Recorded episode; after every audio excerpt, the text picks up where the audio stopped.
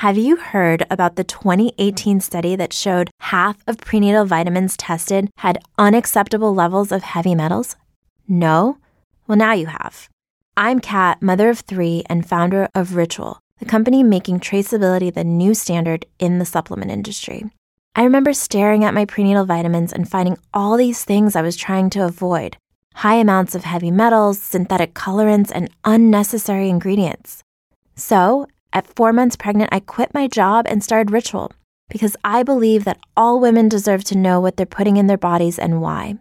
I'm so proud of our prenatal vitamin. The ingredients are 100% traceable, it's third party tested for microbes and heavy metals, and recently received the Purity Award from the Clean Label Project.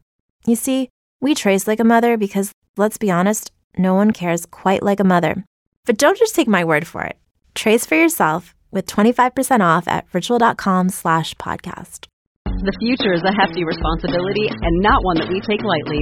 But then, taking things lightly has never been what Hefty is about. That's why we've created the Hefty Renew program that turns hard to recycle plastics into valuable resources like park benches and building materials. To participate, simply fill up an orange Hefty Renew bag with accepted items, tie it up, and drop it in with your regular recycling.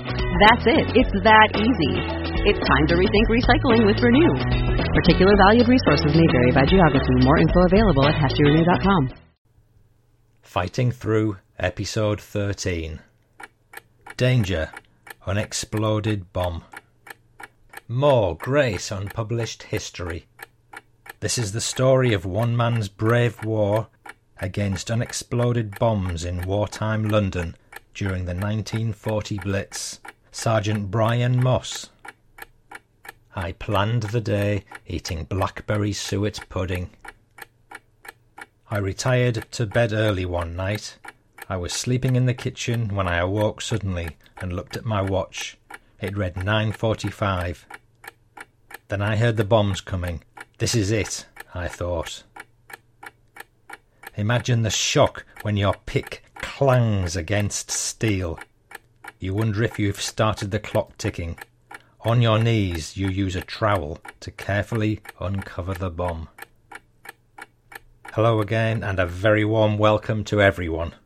I'm Paul Cheall, son of Bill Cheall, whose World War II memoirs have been published in hardback by Pen and Sword in Fighting Through from Dunkirk to Hamburg. The aim of these podcasts is to give you the stories behind the story. You'll hear memoirs and memories of veterans connected to Dad's war in some way, and much more.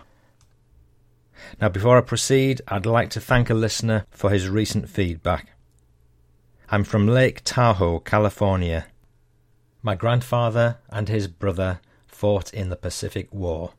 We lost my grandfather's brother on December the 7th, 1941, on the USS Oklahoma at Pearl Harbor. I'm named after him, James Williams. I want to express my thanks to you for your storytelling style and for the pride you so obviously hold for not only your father, but all these incredible men that made us all free today. Oh, thank you, James. God bless you and all our heroes alive and past. These stories are true tear making experiences. I love all our allies of World War II. Thank you again. Well, James, thanks so much for getting in touch, and my goodness, how tragic about your great uncle. I'm sure everyone's touched by your feedback, because it expresses sentiments that no doubt many others feel deep down. Reading your email reminded me of how Dad felt a great affinity with the Allies. Um, in his memoir, he said, In the spearhead, there were young men from all over the British Isles. I knew that the brave Canadians wanted to avenge Dieppe, and that the American boys needed to see that the war with Germany came to a conclusion so that they could settle their outstanding account with Japan over Pearl Harbor. They would give their all, every one of them, and whilst sharing such dangerous experiences, would create an enormous bond of comradeship. Thanks for sharing that bit of history, James. I've got some more feedback now on a previous podcast, uh, the one about the little ship the Bee. You might recall a story told by engineer Fred Reynard about the rescuing of troops at Dunkirk. The Royal Navy was commandeering the Bee, the officer told them about Dunkirk and said, Have you ever been under shell fire? Ever heard of Gallipoli? was Reynard's retort. He and his crew took the bee to Dunkirk with a Navy sub lieutenant nominally in command. Listeners, I loved that anecdote, and if you look at the show notes for that podcast, number 12, at uh, bit.ly slash the bee ship, you'll see a great photo of Fred and the rest of the crew on the bee. There's a look of fearless defiance about them, as if they've been around the block a bit, and here's why I think that is. I recently heard from Helen Westbrook. Now, this is just great. She said, I'm the granddaughter of the late Fred Reynard. My family, including my brother and sister, thoroughly enjoyed listening to Gramps' fascinating story on your recent podcast. We all have fabulous memories of a wonderful man who lived an amazingly full life. He also left another wonderful war diary from World War One, relaying his experiences from Gallipoli. So, listeners, not only did Fred write brilliantly about Dunkirk, he only went and did the bloomin' same for Gallipoli, one of the most horrendous battles of the First World War. Well, listeners, Helen sent me his Gallipoli memoir, and I've read just a short passage, and it's breathtaking. The great news is that Helen is happy for me to make it into a podcast, so I hope to do just that in the not too distant future. I'm also expecting you're in for a real treat.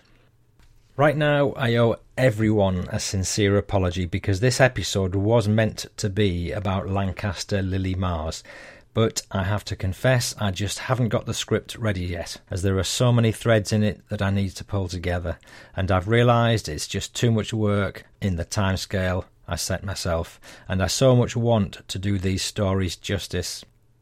So I had a choice to either keep you waiting or do something different that was nearer to completion. So I chose the something different, and this particular show has come about as a result of an email from Mike Moss, formerly of Leicester, England, and now living in Canada. He wrote to me after reading Dad's book and before I produced my podcasts, which is several years back now. So this show has certainly waited its turn to make its debut. I'm sure Lily won't mind waiting just a little bit longer. Now, Mike wrote, my father, Brian Moss, was a platoon sergeant in 233 Field Company, Royal Engineers, England, attached mostly to the East Yorks Battalion, but also at times to the Green Howards. I recognise many place names in your father's account. My father first joined 50th Division after his arrival in North Africa in June 1942. His active involvement in the war ended in September 1944 when he was blown up by a butterfly bomb in Nijmegen. He spent most of the next year in hospital. My father's war had started in bomb disposal during the London Blitz, and his experience with bombs and mines led to his being appointed to develop a desert mine school for infantry in 69 Brigade. If you're still in contact with any former comrades from Green Howards or East Yorks, I'd be very interested to reach them. During my research, I've located a former tank commander of the Hermann Goring Abteilung in Sicily. Dad and two of his men snuck up and blew up three of his unit's tanks when they were parked in a land south of Primosole Bridge on July the 16th, 1943. I've made another contact with the son of the Marine officer who I believe commanded the same landing craft in which Dad travelled to Gold Beach. Mike Moss, Canada.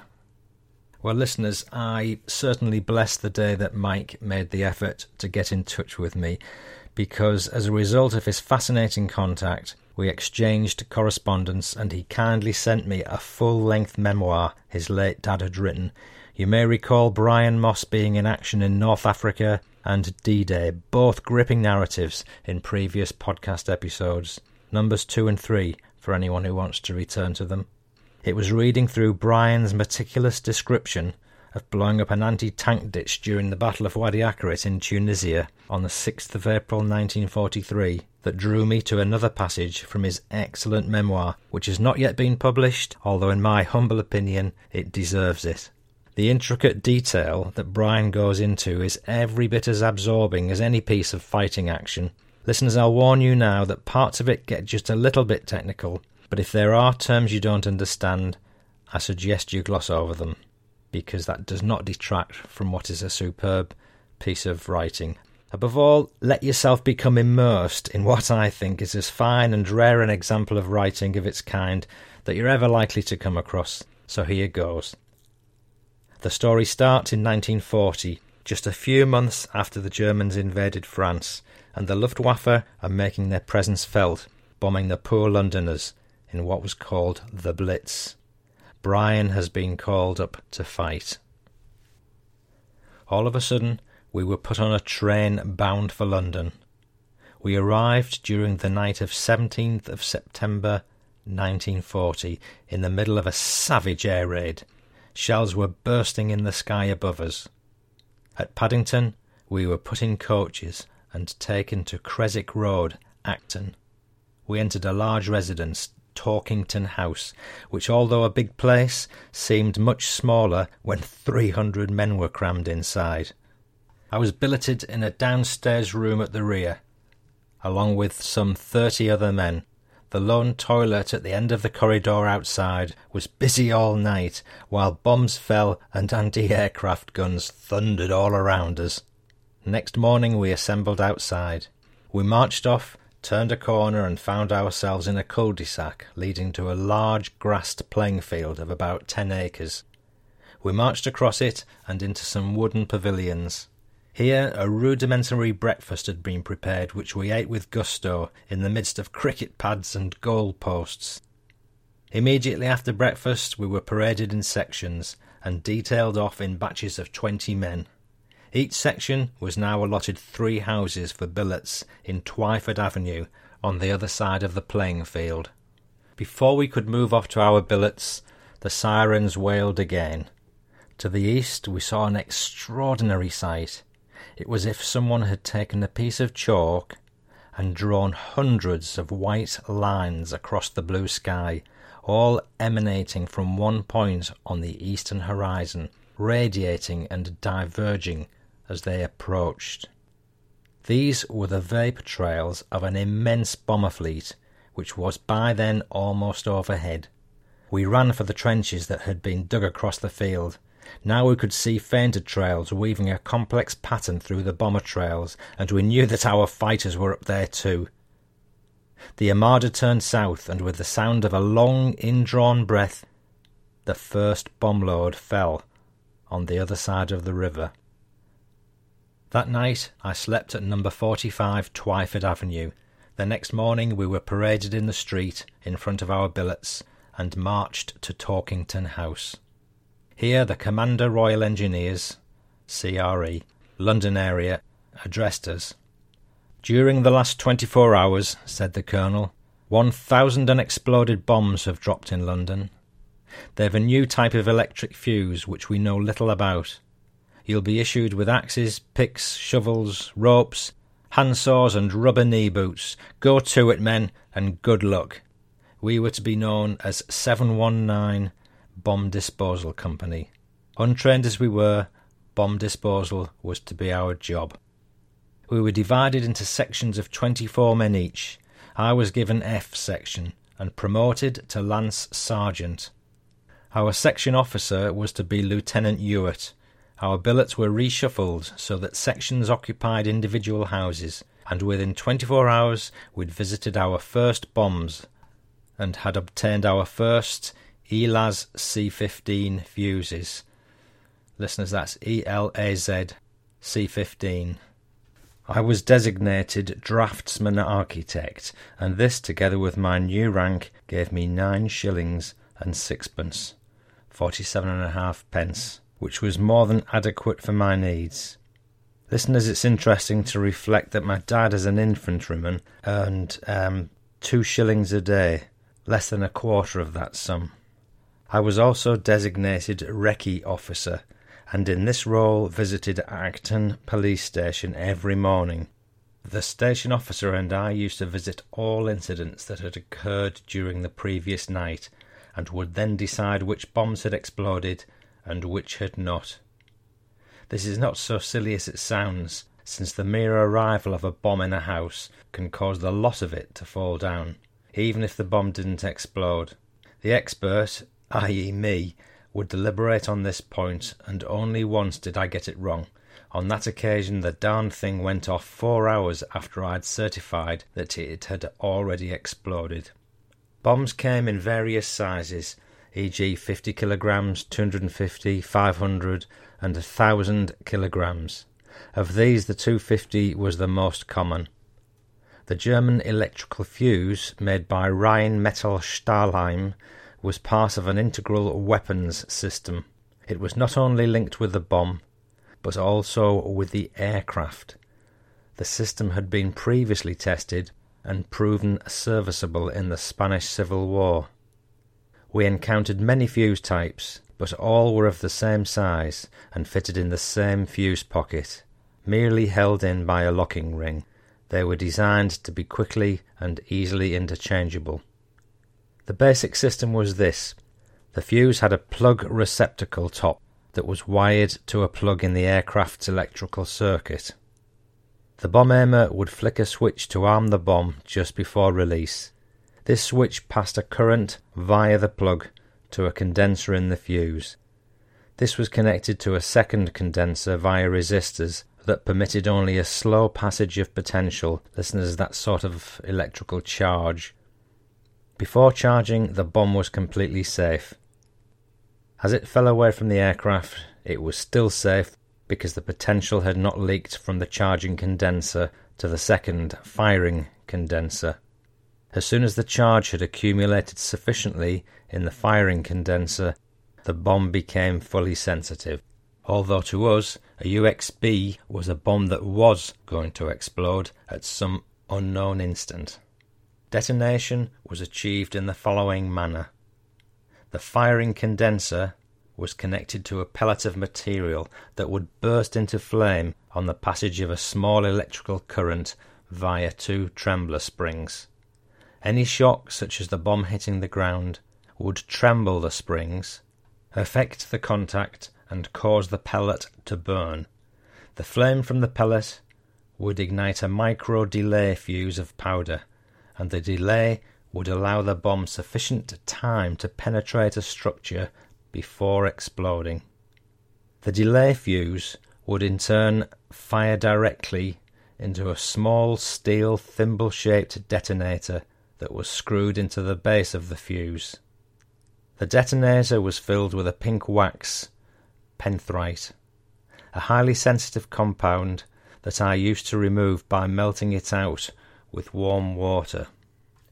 The detonator itself was fitted snugly into pineapple slices of picric acid that filled the remaining depth of the fuse pocket across the whole width of the bomb.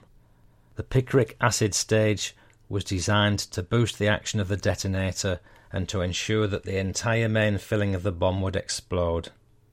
The main filling was usually, but not always, liquid TNT. During manufacture, this was poured in while hot and hardened upon cooling. The bomb was fitted with light steel fins that tore off on impact, exposing the filler cap at the tail. This filler cap was the full diameter of the bomb and could be unscrewed by tapping with a hammer and chisel. I would unscrew the cap, then hammer and chisel into the TNT and smash out half a dozen fragments of it. Then I'd put an oily rag into the broken fragments of TNT and ignite it. The TNT would burn noisily with a lot of black, oily smoke. A sneakier device was the ELAZ C17.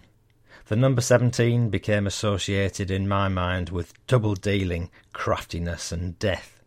It probably still does today. The number 17 was the first clockwork fuse. The initial shock was intended to start the clock, which fired the charge after a certain period of time. Many clocks were not started by the shock of hitting the ground, but could be later started by a tap with a shovel. Some clocks stopped after a few hours, but could easily be restarted at a later time. So, with a 17 fuse, you could be dealing with something that, if it was running, could explode at any instant, and if not running, could easily restart with only seconds to go. In those days, the normal drill was to immediately slap a discharger onto the fuse head. I still have my discharger. Crabtree had made it in a hurry. The discharger performed two functions. Firstly, it connected the two electrodes in the fuse head, thus discharging both condensers. Secondly, it could be used for withdrawing a difficult fuse stuck tightly in the pocket. You can guess the enemy's response. The fuse was later designed to detonate if the electrodes were connected. Another gambit we used was to drill into the top of the fuse and pour in molten paraffin wax. This would set around the tremblers and prevent them from moving. This too became a very dangerous game when the enemy realized what we were up to. I could never understand why they did not stamp 17 fuses with a 15 or use other confusing, no pun intended, stampings. I have removed many fuses, but never a 17. But they played it straight. Fuse removal was surprisingly easy, at least until the ZUS 40, in which case the officer was supposed to remove the fuse. The arrival of the ZUS 40 could have been predicted. It was a small device that fitted under the fuse and detonated the bomb. Therefore, we were now in a situation where fuses could no longer be removed with any degree of confidence. One response to this was Freddy, a device we would clamp onto the fuse head and set in motion. We would then retire, and Freddy would pull out the fuse all by himself. After use, Freddy had to be taken to the National Physical Laboratory to be recharged. Alternatively, we could dig out the bomb with the fuse still inside and take it intact to Hackney Marshes for destruction. After several trucks disintegrated en route, this practice was no longer favourably regarded. Another solution was to evacuate the neighbourhood and blow the bomb up in situ. My own experience included all these measures. Although I never used it myself, a trepanning device could be used to cut holes in the bomb case, allowing steam to be injected, thus melting and removing the main charge. However, the picric acid pellets still remained in the fuse pocket and could still kill anyone in the immediate vicinity if the fuse were activated. My Section F operated in the London area along the North Circular Road from Ealing and Wembley to Finchley and Wood Green, covering as far west as Greenford and Harrow. Meals were cooked on the sports ground and taken out to the job site in various vacuum containers. Our vehicles were brightly painted a post box bright red colour. Everyone made themselves scarce when they saw us coming. We might have been carrying a ticking bomb on board. We worked from 7 a.m. to 5:30 p.m. At night the lads got polished up and went downtown. There was only one cinema in Acton, the film changed on Thursdays, and I would make sure I was in the cinema early. Usually a slide would appear over the film. The air raid warning has just sounded. No one took any notice. It was the same every night. At the end of the film, I would emerge into pitch black streets illuminated only by gun flashes. One night I saluted the bus conductor by mistake. His white cuffs looked like a rear admiral's braid. Leaving the cinema, I'd turn right and start walking back to Twyford Avenue. As I recall this, I'm taken back to a typical bombing raid. A spot of yellow light suddenly appears in the sky. It disappears. Then it reappears, somewhat brighter. It's getting bigger. A second yellow light flares out in the sky half a mile from the first, then a third, and then a fourth. This string of flares produced a sickly yellow glow over Acton. The enemy's target is Park Royal, again an industrial area. A bomber approaches, its engines making the sound um um um. Suddenly, I'm startled out of my wits by the flash and crash of a 3.7 battery, that I didn't even know was just beyond the park railings. The shells go rumbling up into the heights and explode faintly, spat, spat, spat. Then comes the long, indrawn breath of an exploding bomb. I crouch at the side of the road, and although I know the bomb has exploded, I can't be sure that I heard it. The guns crash again, and I curse them because they seem so futile.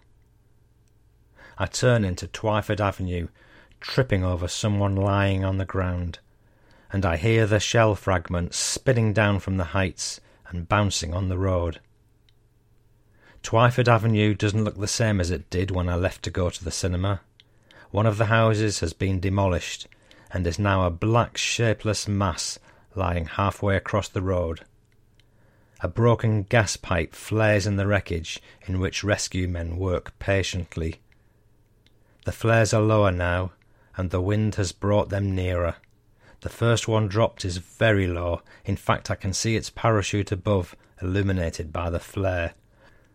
A gob of liquid fire drops away, and now there are only three flares in the sky.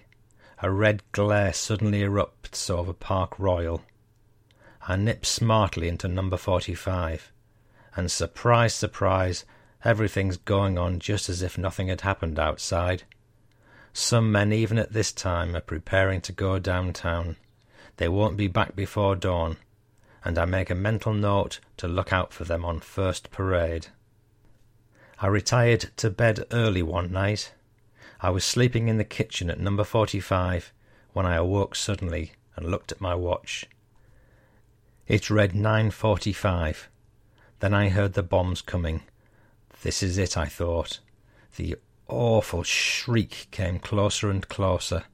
The house heaved, and in the darkness I put out a hand to hold up the wall I knew would come crashing down on me.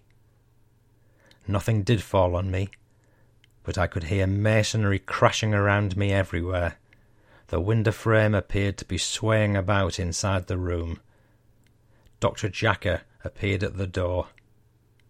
Jacker had been made medical orderly and was known to us as Dr. Jacker. He wanted to know if I was okay. I struggled out of bed and went to investigate. One bomb had fallen in the back garden of number 45 and had severely damaged the back of the house. The next bomb in the stick had missed our house, but it hit the one across the street. Jacker and I stood at the front door, trying to see what had happened. In the pitch darkness, the row of houses across the road looked like a row of teeth with a tooth missing. What remained of the house opposite was only one quarter of its original height. It was also on fire. I started walking towards the street, but something caught my eye. Something was on our railings. With horror, I realized it was a female body that had been flung across the road and impaled on the fence. I thanked God for the darkness. We all did what we could for ten minutes until the appointed teams arrived. As they took charge, I tripped over something in the gutter on our side of the road. It was a second female body, headless and limbless. I was told later that twelve women had been in that house, foreigners it was said. It had been previously rumoured that light signals had been seen at night from this house. This was probably quite erroneous.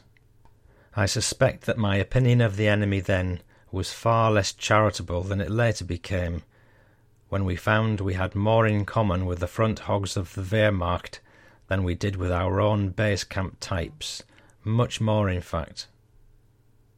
On non cinema evenings, I would go to Jack's place, a dingy cafe with a fruit machine. I gave Jack, the bald owner, instructions to bake blackberry suet puddings for me. I would sit in the corner and eat my pudding while thinking about what would have to be done the following day. The night of 14th to 15th of November was one of significance. At around midnight, the whole company was in a state of anger and excitement.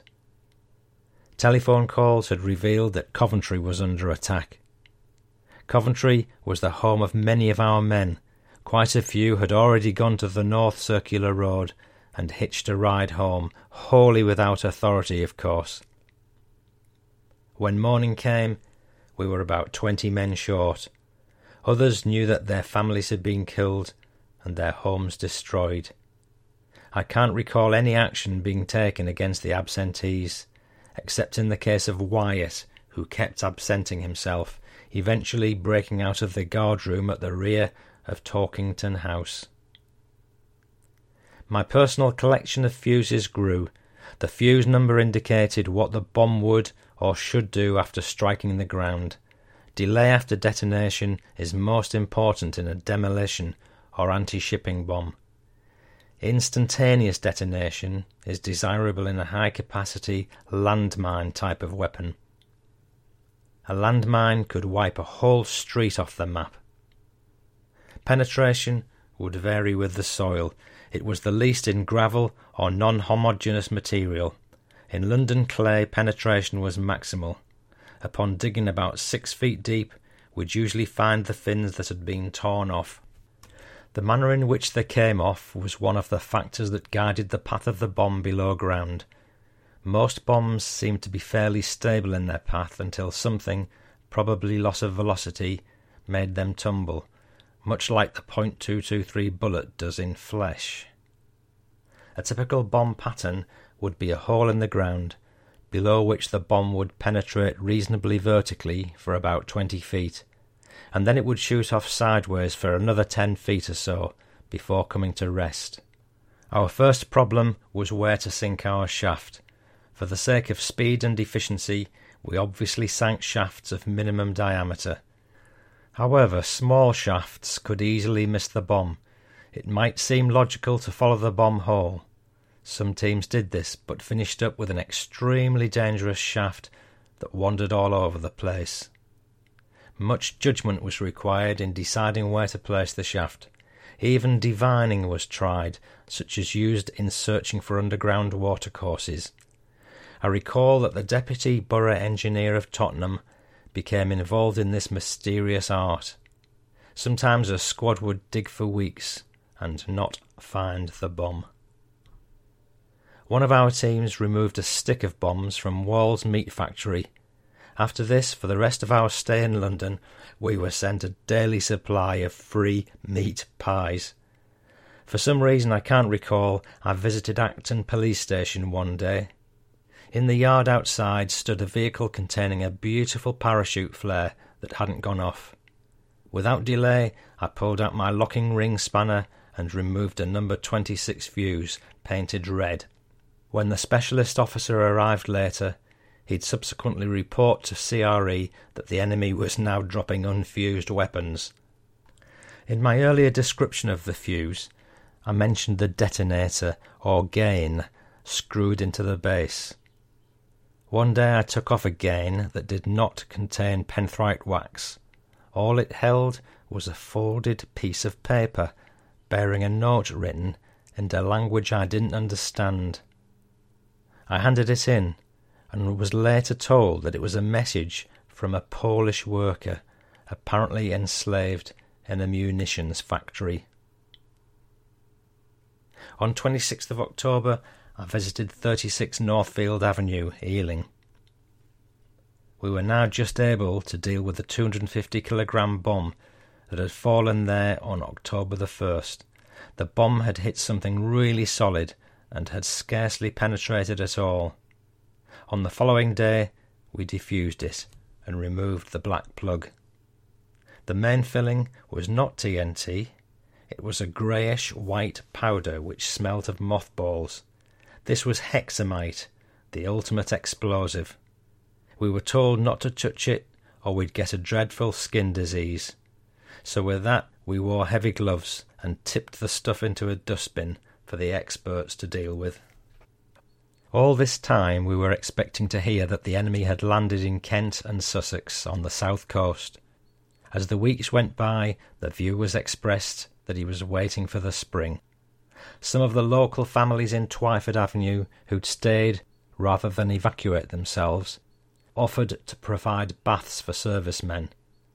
Lance Corporal Cotton of HQ and I were told to report to number 115 Twyford Avenue. Alternate nights were arranged for the pair of us to bathe, and so I arrived one evening and introduced myself to Mr. and Mrs. Townsend.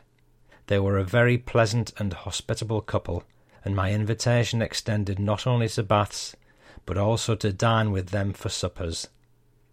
As you may perhaps have guessed, they had two daughters. Pamela was chasing an RAF type at the time. Betty was older and unattached. A lifetime later, in July 1942, I happened across a piece of paper blowing across the desert. I retrieved it to find it was the centre page of Picture Post. The photo portrayed a group of Auxiliary Territorial Services ATS girls. Among them, I thought I recognised Betty Townsend, so I wrote to her mother asking if I was correct. She wrote back and confirmed that Betty had joined the ATS and was in Nairobi. That was the last I heard of the very helpful Townsend family. Corporal W. Fern of my section once borrowed fifteen shillings from me and then went sick. I never saw him again.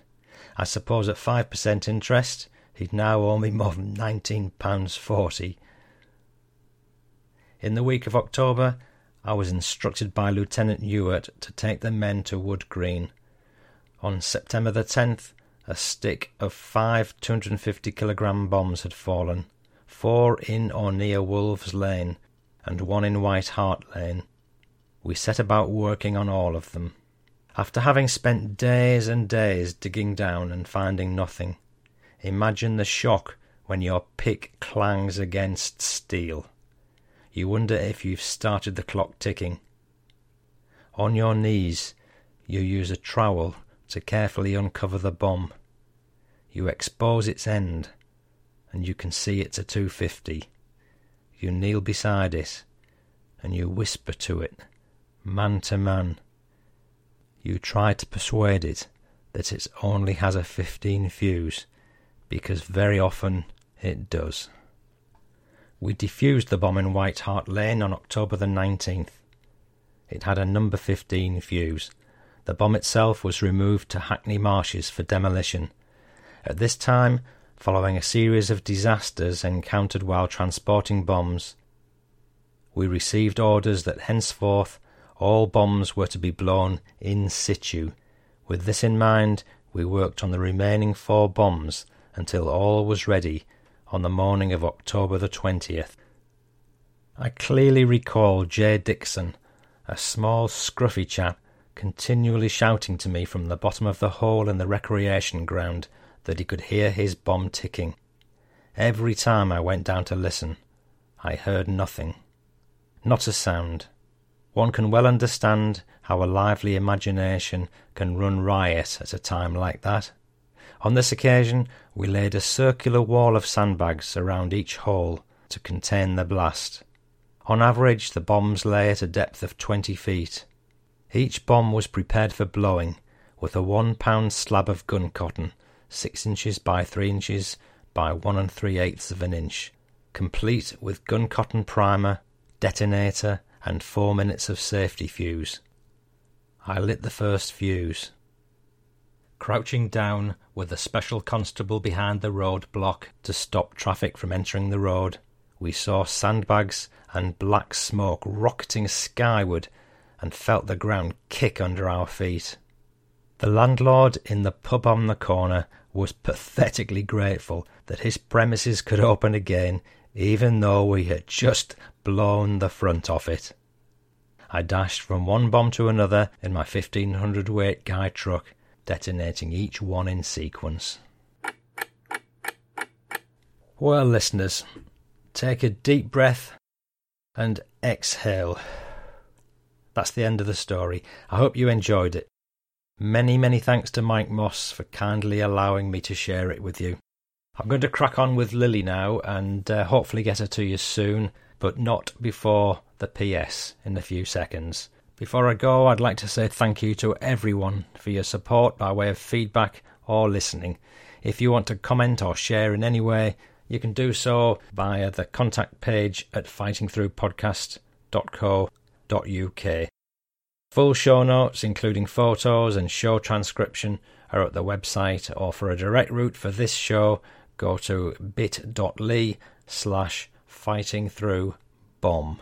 At all times, all contacts and show notes with links are easily accessible at fightingthroughpodcast.co.uk. For now, stay safe, my friends. I'm Paul Cheall saying bye bye now. P.S. We were to make a landing undetected, I thought. But I thought too soon. Another fifty yards, then hell let loose. A hail of machine gun and rifle fire swept through us. Now it was a case of every boat for itself. The Turks had placed barbed wire just under the water, and the boats stuck fast, and the soldiers were soon wiped out. My boat was lucky to find a gap through which we passed to the beach and scrambled out. Fred Reynard, A Gallipoli Story, 1915. Coming soon.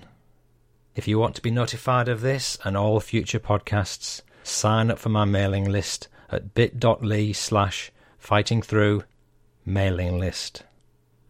PPS. Mike Moss is keen to hear from anyone who has a connection with his dad but particularly from Corporal W. Fern, who owes him fifty shillings.